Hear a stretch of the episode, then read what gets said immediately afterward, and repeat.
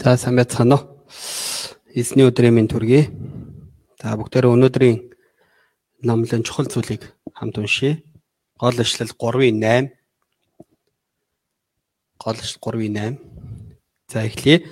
Тэрч байтугай би Христ Есүс эзнээ танин мэдхийн хосгүй давуу талын төлөө бүх юмсыг хохирол болгон үздэг. Би түүний төлөө бүх юмсийн хохирлыг амсаж тэдгэрийг хог гэж үздэг нь Христийг олохын тулд бөгөөд За би залбир. Хайр ивэл мөнх хамаар дөрөн бурхан аваа бидэнтэй хамт байгаад баярлалаа. Өнгөрсөн 7 хоногийн турш та бидэнтэй хамт байж та биднийг хамгийн сайн замаар өдөрдөж та бидэнд хамгийн сайныг дүүргэн өгч байсан тань талархаж байна. Бидэнд магтаал, талархал, баяр хөөр танаас ирдэг үнцэнтэй амьдралыг өдөр бүр өгч байгаа тань талархаж байна.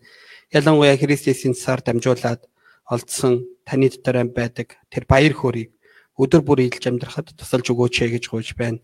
Зарилгаар, ариун сүнсээр, гуйлтаар, талархлаар мөн танд өргөж байгаа үйлчлэлээр дамжуулаад танаас ирдэг амар амгалан баяр хөөргийг та бидний амьдралд дүүрэн буулгаж өгөөч ээ гэж гуйж байна.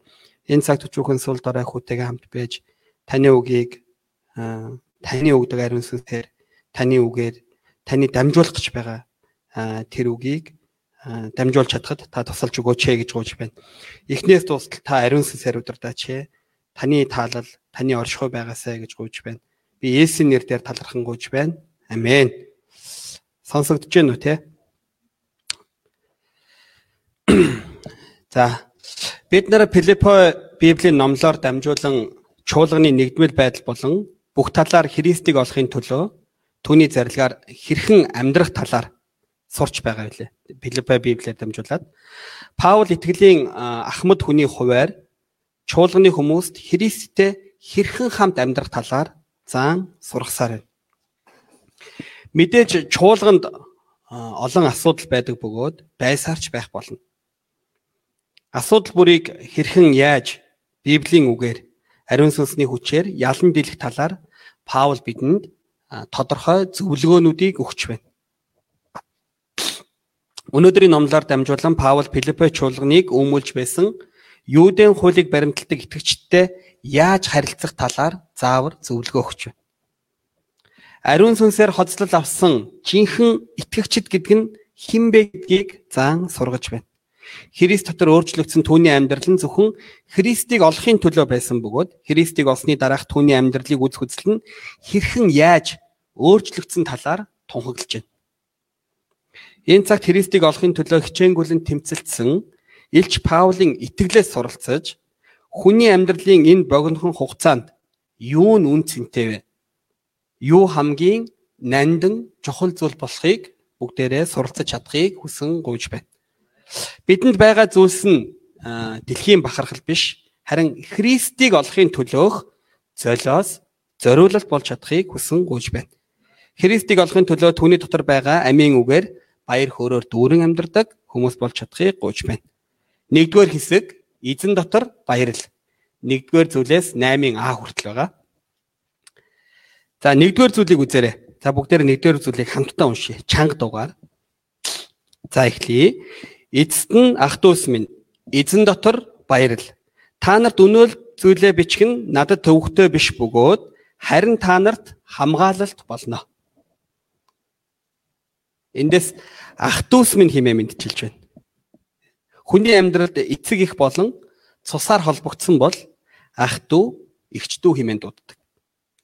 Эцгийн цусаар холбогдсон ч холбогдсон ах эгч дүүнэр хоорондоо халуун дотн байж бие биедээ санаа тавин амьдардаг нь хүний яс, тийм ээ? Хүний яс. Тэд эцгийн цусаар нэг ихийн хайраар холбогдсон учраас тэр юм. Харин Паул Филиппо 3 дугаар бүлгийн 1 дугаар зүйлийг үзвэл ах дүүс минь химэн дуудаж байна. Энэ нь эцэг эхийн цусаар холбогдоогүй боловч хамгийн ариун нандин нэгэн болох Христийн цусаар тэр загалмайн хайраар холбогдсон тул тэрээр ийхүү дуудаж байна. Өнөөдөр хин нэгэн ахан дүүсийн маань амьдралд асуудал гарвал бид тусалж зохицуулж санаа тавьдаг шиг Паулч бас тэдний итгэлийн амьдралд санаа тавин ийхүү хэлж байна.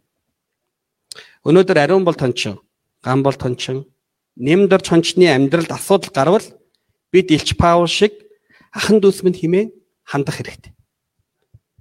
Тэрээр ахан дүүс минь гэж хэлээд үргэлжлүүлэн эзэн дотор баярл химээ хэлсэн.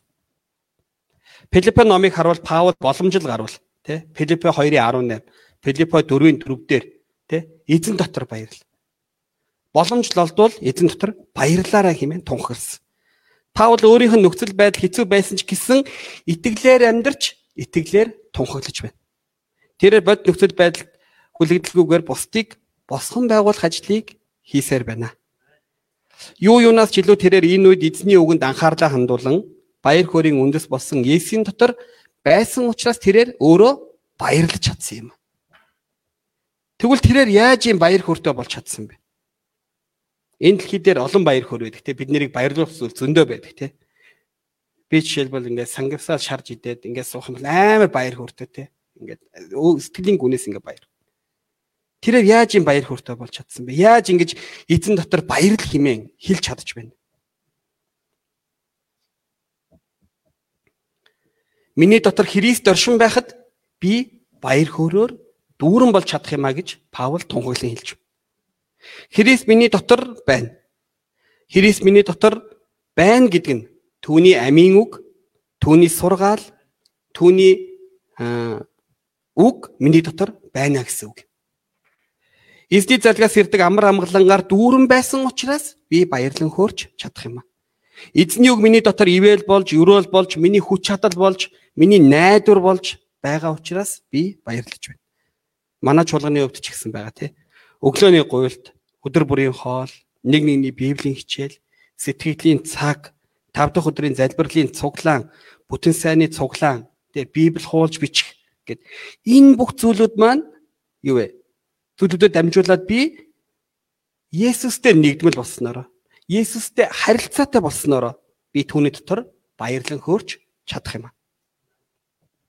Энэ цагт бүгдээрээ манай чуулганы итгэгчид тийм ээ бүгдээрээ ямар ч үед зарлиг болон эзний үг миний дотор байснараа бид нэр баяр хөөртэй хүмүүс болж чадахыг хүсэн гуйж байна.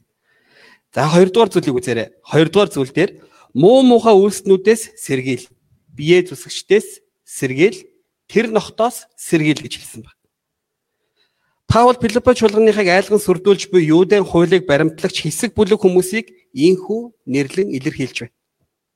Муу муухай үйлснүүд бие зүсгчд нохот химэн хилээд тэднээс сэргийлээрэ хэмээн хэлж. Юудын хуулийг хуулийг баримтлагдаг итгэгчтэн зөвхөн итгэлээр бус заавал хоцлол хийх ёстой гэсэн заавартай бөгөөд Мосегийн хуулийг сагснараа л авралт хүрэн шүү хэмээн Филиппой чуулганы итгэгчдийг итгэгчдийн итгэлийг өөмүүлж байна. Тэдний гаднах байдал нь хуулийг сагсан, сүсгэлсэн, сайн мэдээ төлөөх ажиллаж юм шиг харагддаг боловч Үнэн бодит байдал дээр тэд нар өөрсдийн хувийн ашиг сонирхол зүсэн бүрийн муу гүйлдэгчд байсан юм а хэмээн тухайн цаг үеийн номууд дээр бичсэн байдаг. Библиэд нохог хүний мэс чанаргүй бузар шунхаарлаар дүүрэнтэй бас холбон тайлбарлаж байна. Мөн бие зүсэгчд хэмээн бурхны нэгүслэр аврагдах биш биеийн хоцлол тийм ээ хөвчөндөлөх хийг чухалчлан түүгээр сайрхагчдыг онцлон хэлж тэдний бодит үнэн төр төрхийг илчлэн хэлж байна. Нөгөө талаасаа итгэлээр биш тийм ээ. Бурханд итдэг итгэл аврал найдвараар биш ямар нэгэн бэлэг тэмдэг авьяасаар аврагдана гэсэн ийм үзлийг илэрхийлж байгаа. Юудын итгэгчд нь. Паул ийм л хүмүүсээс болгоомжтой байгаарэ сэргийлээрэ химэн анхаарал хандуулан хэлж байна. Үргэлжлүүлэн 3 дугаар зүйл дээр учир нь Бурхны сүнсээр мөргөж Христ Иесусээр сайрхан мах бодит эс түшиглэх биднийх л жинхэнэ хоцрол юм шүү химэн одоо Филиппо чуулганы итгэгчдэд зориулаад жинхэнэ ариун сүнсний хоцлол гэж юу юм бэ гэдгийг тодорхой хэлж. Жинхэнэ хоцлол нь сүнс ба үннээр мөргөж үйлсээр бус авралыг өгдөг Есүс Христээс сайрхан мах бодийн зүйлсэд түшгэлдэггүй зүйлийг хилдэг хэмээн хэлж байна. Зөвхөн Христэд түшгэлдэг явдал нь жинхэнэ хоцлол юм хэмээн Филиппо Библийн 3-ын 3 дугаар зүйлээр дамжуулан тунхаглаж байна Паул. Ариун сүнсээр дахин турсан хүмүүс л жинхэнэ итгэж тэмээн дүүл авшруулан хэлж байна. Мах бодод түшиглэхгүй гэдэг нь зөвхөн зарлагт үндэслэн эзний үгийг дагаж тулгуурлаж амьдрдаг сүнслэг амьдрал бөгөөд ариун сүнсийг дагдаг амьдрал хэмээн хэлж байна. Заримдаа юудын хуулийг баримтлагч баримтлагчид шиг Есүсээс өөр зүйлсээ сайрахдаг үзэлтэй итгэгчид хаа нэг байдаг те. Бид ийм би ийм өргөл өргөсөн, би ийм хон тижээсэн, би ийм олон удаа цуглаанд үйлчилсэн гих зэрэг бардамнал гарах тохиолдол байдаг. Хэрвээ бид нар ийм үзэл бардамнал байгаа бол энэ цагт бид нар гэмших хэрэгтэй. Бурхны хийсэн ажлыг хэн нэгэн би сайрах ёсгүй бөгөөд бүх алдар нь бурханд байх ёстой юм. Харин хүн хувь хүний итгэл болоод бурхан түшгэлхийн тулд бол дээрхтэй адил зүйлсийг хийхийн төлөө харин хичээх хэрэгтэй. Энэ ингээ бурхныг мэдэх арга хэрэгсэл болно гэсэн. Энэ нь бидний Христийг сурахад ашиглагдаж буй хэрэглүүр болох бөгөөд хамгийн сайн одоо багаж болох юм. Бид нар энэ зүйлсийг ингэж хооронд нь сайн ялгаж, салгаж ойлгох хэрэгтэй. Бид өдөр бүр юудэ итгэгчд шиг биш тийм ээ э, хэрвээ тэд нар шиг ийм үзэл бодолтой болохоос сэрэмжлэн сүнсээр мөргөж Христээр сайрахдаг зөвхөн ариун сүнсэн тушгалдаг Бурхны үг Библи тулгуурладаг хүмүүс болж төлөвшөж чадахыг хүсэн гуйж байна. За одоо 4-өөс 6 дугаар зүйлийг үзээрэй. Гэсэн ч би мах бодод түшиглэж болох юм. Хин нэг нь мах бодод түшиглэх гэдэг бол би бүр ч илүү. Би 8 дахь хоногтой хоцлуулсан Израиль үндэстнийх Биньямин овгийн еврейгээс төрсэн еврей.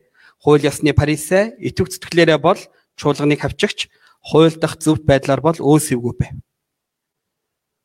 Илч Паул 3-ын 4-өөс 6 дугаар зүйлээр дамжуулаад өөрийнхөө талаар танилцуулга хийсэн. Би юу н ямар хүн байсан? Би яг ямар хүн юм? Би Филиппе цуглааны тэр юудын Э, итгэгчд болон Филиппе цуглааны та нараас илүү би яг ямар хүн юм? Би та нараас илүү тийм ээ. Боддоор би жинхэнэ юудэ хүн байсан. Тэ? Би жинхэнэ еврей хүн байсан. Би жинхэнэ язгууртан байсан шүү гэж хэлж байна. Би мах бодит түшглэн сайрах гэдэг зүйл хэрвээ амьдрал байдаг бол Паул миний хувьд энэ бүх зүйл боломжтой байсан. Би бол танаас хэд дахин илүү. Би сайн мэднэ. Би еврейгээс төрсэн миний эцэг хоёулаа еврей байсан. Би еврейн боловсрал болон хүмүүжлэр өссөн хүн. Тэр тухайн үеийн нийгэмд байхгүй элит язгууртан байсан. Тийм учраас тэрээр хүмүүсийн дунд өөрийгөө бахархан бахархлаар дүр амьдрахаас өөр аргагүй байсан. Аа өмнө Солонгос улсад одоогийн Солонгос тийм ээ Republic of Korea гэж ярддаг тийм Солонгос улсад хүмүүсийг ийм яриан дээр алтан халбахтан шорон халбахтан гэж дууддаг байхгүй. Кым суужа, хөг суужа гэж дууддаг. Хүмүүсийн ярианд энэ үгийг амар их хэрэглэдэг. Тэрний үг бол алтан халбахтан гэдэг нь баян айлын мөнгөтэй язгууртан гарлыг хилж байгаа бөгөөд шорон халбахтан гэдэг нь эсрэг утгыг нь хэлж байгаа. Хүмүүс алтан халбаг барьж төрсэн хүмүүс татаархан бас шүтэж амьдардаг. Одоо Samsung группийг тийм ээ хамгийн том хүү бол төрхөөсөө ахуулаад алтан халбахтан байх нь шүү дээ тийм ээ. Яг үүнтэй адил Паулын хувьд ийм алтан халбахтан байсан. Ийм түн сайргаж болох олон зүйлс байсан. Тэрээр сайн эцгийн буйнаар шамдан суралцаж хууль ёсны бүр парисэ болсон байсан тийм ээ. Түүний багш болохоор тухайн цаг үеийн хамгийн мундаг Гамилей гэж хүн байсан тийм ээ. Тэрээр бахархах зүйл маш их байсан. Паул үнэндээ хинээс ч илүү мах бодод түшгэлэн сайхан амьдарч бас сайрхал, магтаал, бардамлаар дүүрэн бахархах юмтай нэг юм байсан. Харин ийм бахархал бардамлаар дүүрэн байж болох Паулцтэй өөрт байгаа энэ бүхнийг юу гэж тооцох болсон бэ? Бүгдээр 7 дугаар зүйлийг хамт уншия. 7 дугаар зүйлийг хамтдаа уншия. За эхлэе. Гэвч миний хувьд ололт байсан болгоныг би Христийн төлөө хохирол болгон тооцов. Гайхамшигтай э, тунхаглал байна те. Тэр яаж ингэж хэлж яаж ингэж ярьж яаж ингэж амьдрч чадах болсон юм бэ? Тэр юунаас болоод ингэж ярьж хэлэх болсон бэ? Энэ үнэхээр агуу итгэл, агуу гэрчлэл байна тийм ээ. Тэрээр Ром номын 7:24-ийг үзвэл өөрийгөө би юутай хөөрхөлөлтэй хүн бэ? Хин намайг үхлийн энэ биеэс ангижуулахыг хэмээн хэлж байсан. Түүний энэ үг үнэхээр гайхамшигтай. Тэрээр үхлийг ялсан Есүс Христтэй уулзснараа түүний нүдэн нээгдэж, хуучин хүн нь өөрчлөгдөж, түүний амьдрал нь бүхэлдээ өөрчлөгдсөн юм. Сэтгэл сүнсэнд нь амар тайван дүүрэн ирж тэрээр амьдралыг үзэх үзэл болон харах хараа нь 100% өөрчлөгдсөн. 180 градус өөрчлөгдсөн, тийм ээ. Есүстэй уулзснараа түүний амьдралд шив шин түүхийн хуудас бий болсон. Түүний одоо хүртэл хийж бүтээсэн зүйл нь Христтэй нэгдмэл болж түүнтэй гүнзгий харилцааг тогтооход том саа дотор болж байгааг тэрээр ухаарсан. Тэгээ одоо хүртэл цуглуулсан бүх зүйл. Тэрээр энэ бүхнээс үүдэн би түүний төлөө бүх юмсын хохирлыг амсаж тэдгэрийг хог гэж үздэг хэмээн тунхаглан хэлж байна. Паул нь Есүстэй уулзснараа өөрийн хамгийн нандин тоцдог бүх зүйлээ хог гэж үзэн хайсан бөгөөд дэлхийн амьдралд сайрхагдах бүх зүйлсийг хохирол болгон өөртөө авсан. Нэг үгээр хэлбэл тэр Христийг олснороо энэ дэлхийг орхисон юм. Түүний бие махбод нь дэлхийд амьдарч байгаа боловч сэтгэл сүнс нь аль хэдийн Бурхны улсын мэдл байсан юм. Одоо бүгдээр 8 дугаар зүйлийг үзцгээе. Тэрч байтугай би Христ Есүс эзнээ танин мэдхийн хосгүй давуу талын төлөө бүх юмсыг хохирол болгон үздэг. Би түүний төлөө бүх юмсын хохирлыг амсаж тэдгэрийг хог гэж үздэг нь Христийг олохын тулд бөгөөд. За өнөөдрийн зарилгийн point гарч ийн тийм ээ хамгийн чухал зүйл гол ишлэл. Паул нь өөрт нь байсан бүх зүйлсийг хохирол болгосон нь Христ Есүсийг танин мэдхийн хосгүй давуу тал гэдгийг ухаарсны хэмээн тунхаглан зарлаж байна. Тэгвэл энд ярьж байгаа тэр хосгүй давуу тал гэдэг нь юу юм бэ? Юу бөгөөд юутач харьцуулшгийн үнцэнтэй гэсэн утгыг илэрхийлж байгаа юм. Хүний зүтгэлээр олдсон бүх зүйлс нь намайг Христийг олоход тус болохгүй хэмээн тэрээр дахин дахин тунхаглаж. Энэ нь хог юм аа. Түүнийг олохын төлөө хийж байгаа энэ бүх зүйл нь хохирол юм аа гэж хэлж. Түүний хувьд Есүс Христтэй нэгдмэл болж түүнийг танин мэдэх тусам бүхнийг хохирол гэж үзэх болсон бөгөөд Христтэй холбосон амьдрал нь одоо ингэж хэлхийн үндэслэл болсон юм. Тэрээр мундаг багш гайхалтай мэдлэгтэй нэгэн байсан боловч тэрээр амьдралын үндсэн асуудлуудад хариулт авч чадалгүй өөрийн гим нүгэл болон сул дорой байдалтай цөхрөн амьдарч байсан юм. Төвний хувьд гимба өхлийн асуудлын өмнө хүчин мөхсдөж амьдарч байсан. Харин тэрээр амьсан Иесустэй аврагч Иесустэй уулзснараа гимба өхлийн асуудлыг бүрэн шийдэж шийдүүлсэн бөгөөд тэрээр жинхэнэ зориг ба чиглэлийг Есүс Христэс олж авсан юм. Паул нь өмнө хинээс ч авч байгаагүй. Мөнхийн амийг авч хинээс ч авч байгаагүй. Тэр хайрыг авч Тэнгэрийн хаанчлалын баяр хөөр амар тайвныг мэдрэх болсон юм. Тэрээр магтан дуулж Христийг орсондоо баярлан хөөрч байсан. Тэрээр магадгүй ийхүү дуулсан байгаа тий. Есүсийг орин аврагч болгоод Ариун сүнсээр дахин төрхөд энэ орчлон хорвоод миний сонс эсний алдрыг эдэлж байна. Энэ бол миний үнэн гэрчлэл энэ бол миний магтан дулаал Би амьдралдаа тасралтгүй. Аврагч эхээс нэг магтан дуулнаа.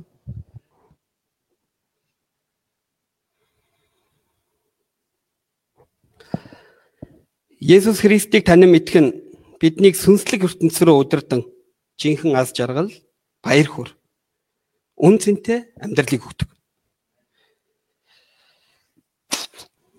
Христийг мэдэх тусам түүний агуу мөн чанарыг магтан дуулахаас өөр аргагүй. Христийг хэмжих аргагүй бөгөөд Христ нь өөрөө хайр юм. Түүний хайрын гүн өргөн өндрийг хэмжсэхгүй бөгөөд Христ нь гайхамшигтай нэгэн бэл. Би Есүстэй анх уулзахдаа түүний хайр халамжийг сайн мэддэггүй байсан. Харин түүний зарлиг болон үгийг сурах бүрд түүнтэй нэгдмэл болох бүрдээ түүнтэй харилцах бүрдээ би түүнийг илүү их мэдэж миний амьдрал тэрээр үрээ засан миний зүрх сэтгэлд нутаглах болсон. Есүстэй уулзснаас хойш 25 жил өнгөрсөн ч анх авсан авралын хайр ивэл мөнхийн ам. Буруу шатаггүй Есүсийн хайр намайг өдий хүртэл хөтлөн дагуулсаар байна. Дэлхийн намайг хайсан ч, дэлхийн намайг голсон ч, хүмүүс намайг үл тоосон ч тэр намайг хаяагүйг би маш сайн мэднэ. Намайг зарилгаар үргэлж босгон байгуулж, хүмүүсээр дамжуулж ухаарал ба гимшлийг дамжуулж түүний хайрыг улам их мэдрүүлж байгаа бурхандаа талархаж байна.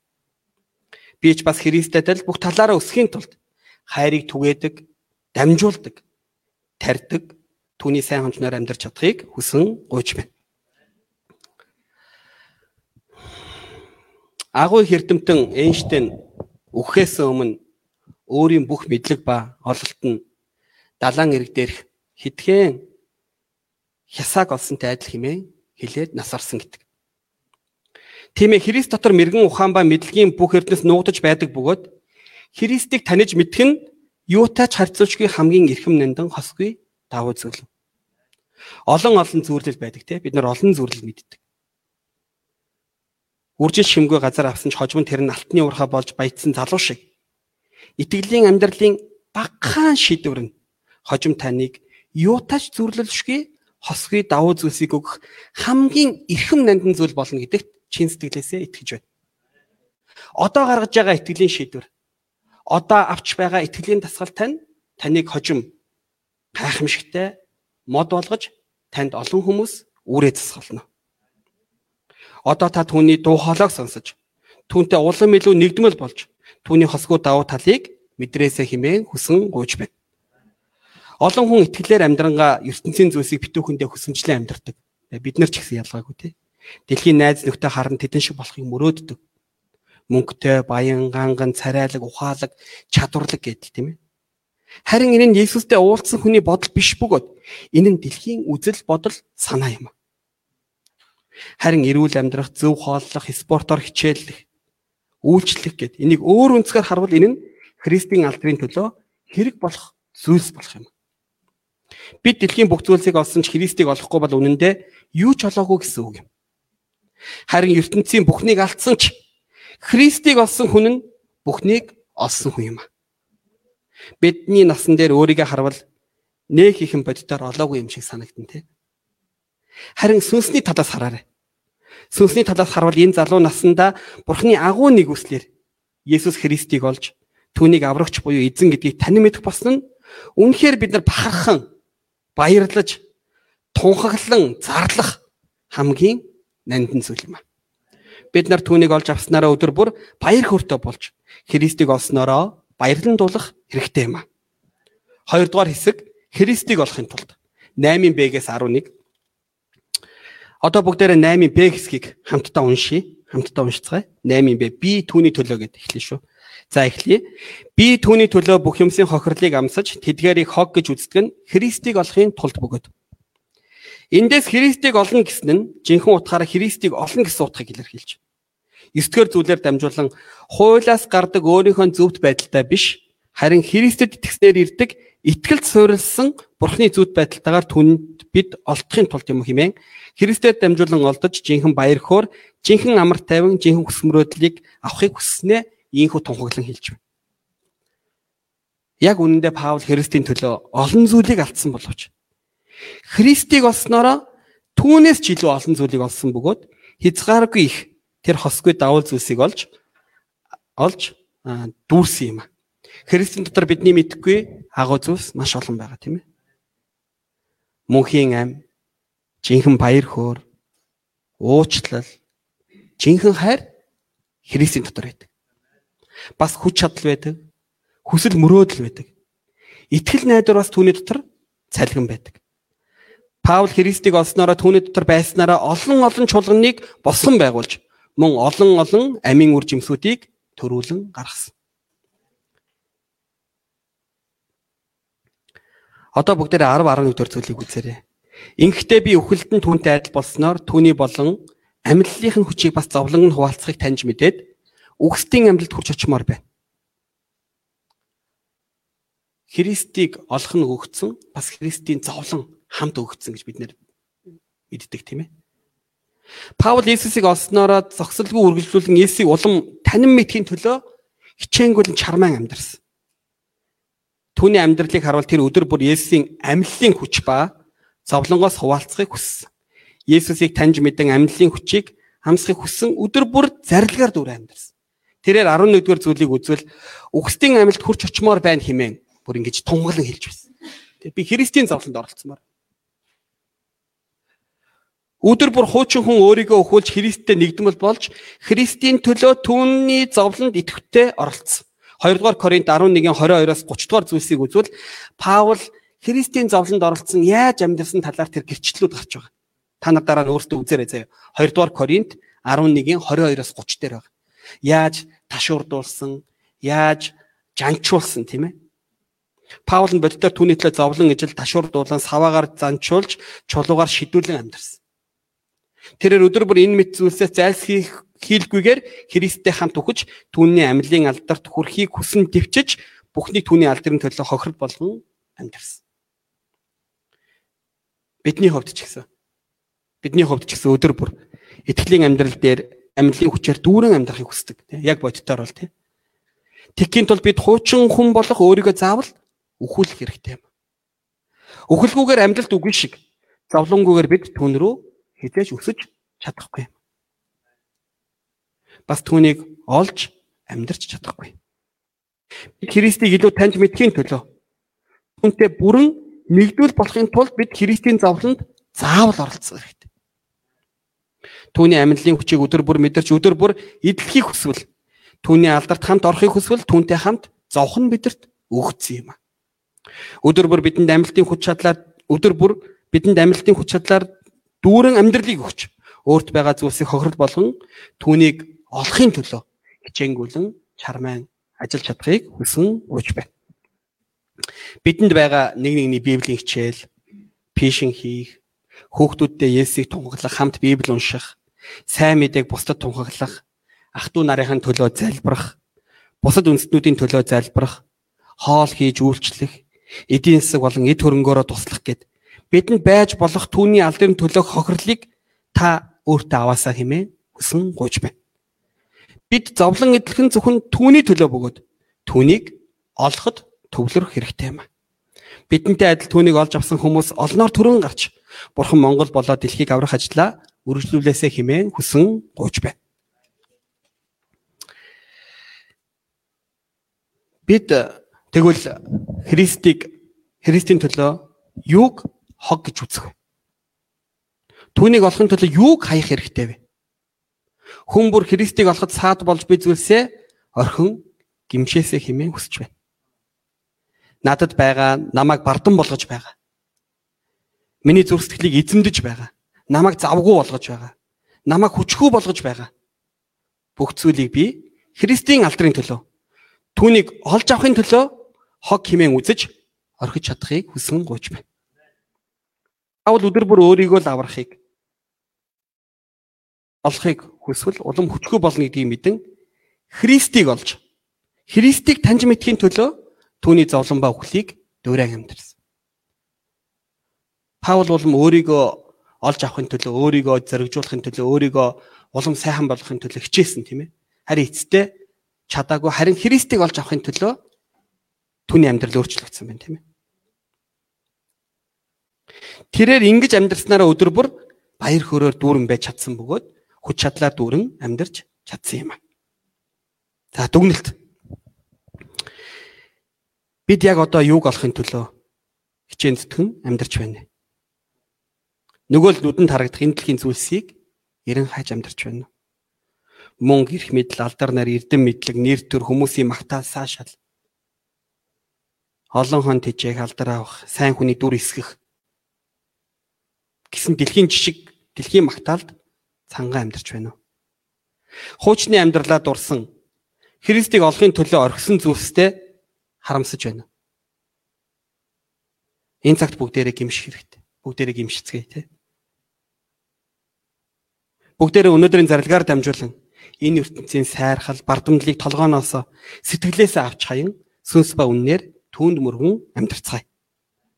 Бурхны зарилгаар зүрх сэтгэлээ цэвэр даруй болгон зөвхөн Христийг олохын төлөө тэр хосгүй давуу талын төлөө өөрийгөө өхүүлж надад байгаа Түүнийг олоход саад болж би зүйлээ хог мэт үзэж чадахыг хүсэн гооч байна. Бод амьдрал дээр Христийг дүүрээ. Загалмайн зовлон ба өхөл амьлалд хурч очин өдөр бүр Христтэй нэгдмэл амьдарч чадахын төлөө хичээнгүлэн залбирч байна. Бүгдээрээ өдөр бүр өдөр бүр Христийг олохын төлөө бүх зүйлийг хог химээ амьдарцгаая. Бурхны бидний бодит үйлчлэл болон залбирлаар агуу түүхийг бүтээж биднийг энэ цаг үеийн Паул мэт итгэлийн хүнээр ерөн ажиллаж химээ ажиллан химэн итгэн гооч байна. За би гоогаад тусгая. Харивэл мөн камер дүүрэн эзэн минь танд баярлалаа. Харивэлтэй зарлаг өгсөн танд талархаж байна. Христийг олохын тулд би яах ёстой вэ гэдгийг зааж өгсөнд баярлалаа. Өдөр бүр миний амьдрал Христийн зовлонд оролцож Христийн алдрын төлөө хэрэглэгдэж чадхад тусалж өгөөч гэж гуйж байна. Би Христтэй нэгдмэл болохын төлөө зарлаг болон гуйлт Библийн хичээл сүнслэг мөрөглүүдийг ч гэсэн дүүрэн авч чадхад тусалж өгөөч гэж гуйж байна. Бурхан аваа та манай цуглаанд Паул мэт Христийг олохын төлөө бүх зүйлийг хог мэт үздэг олон итгэлийн баатруудыг зөвшөөрж өгөөч ээ гэсэн гуйж байна. Бидэнд хайр ивэлтэй зарлаг өгсөнд баярлалаа. Бүхэл зүйлийг тандаа даатгаад их эзэн Есүсийн нэрээр залбирanгуйч байна. Амен.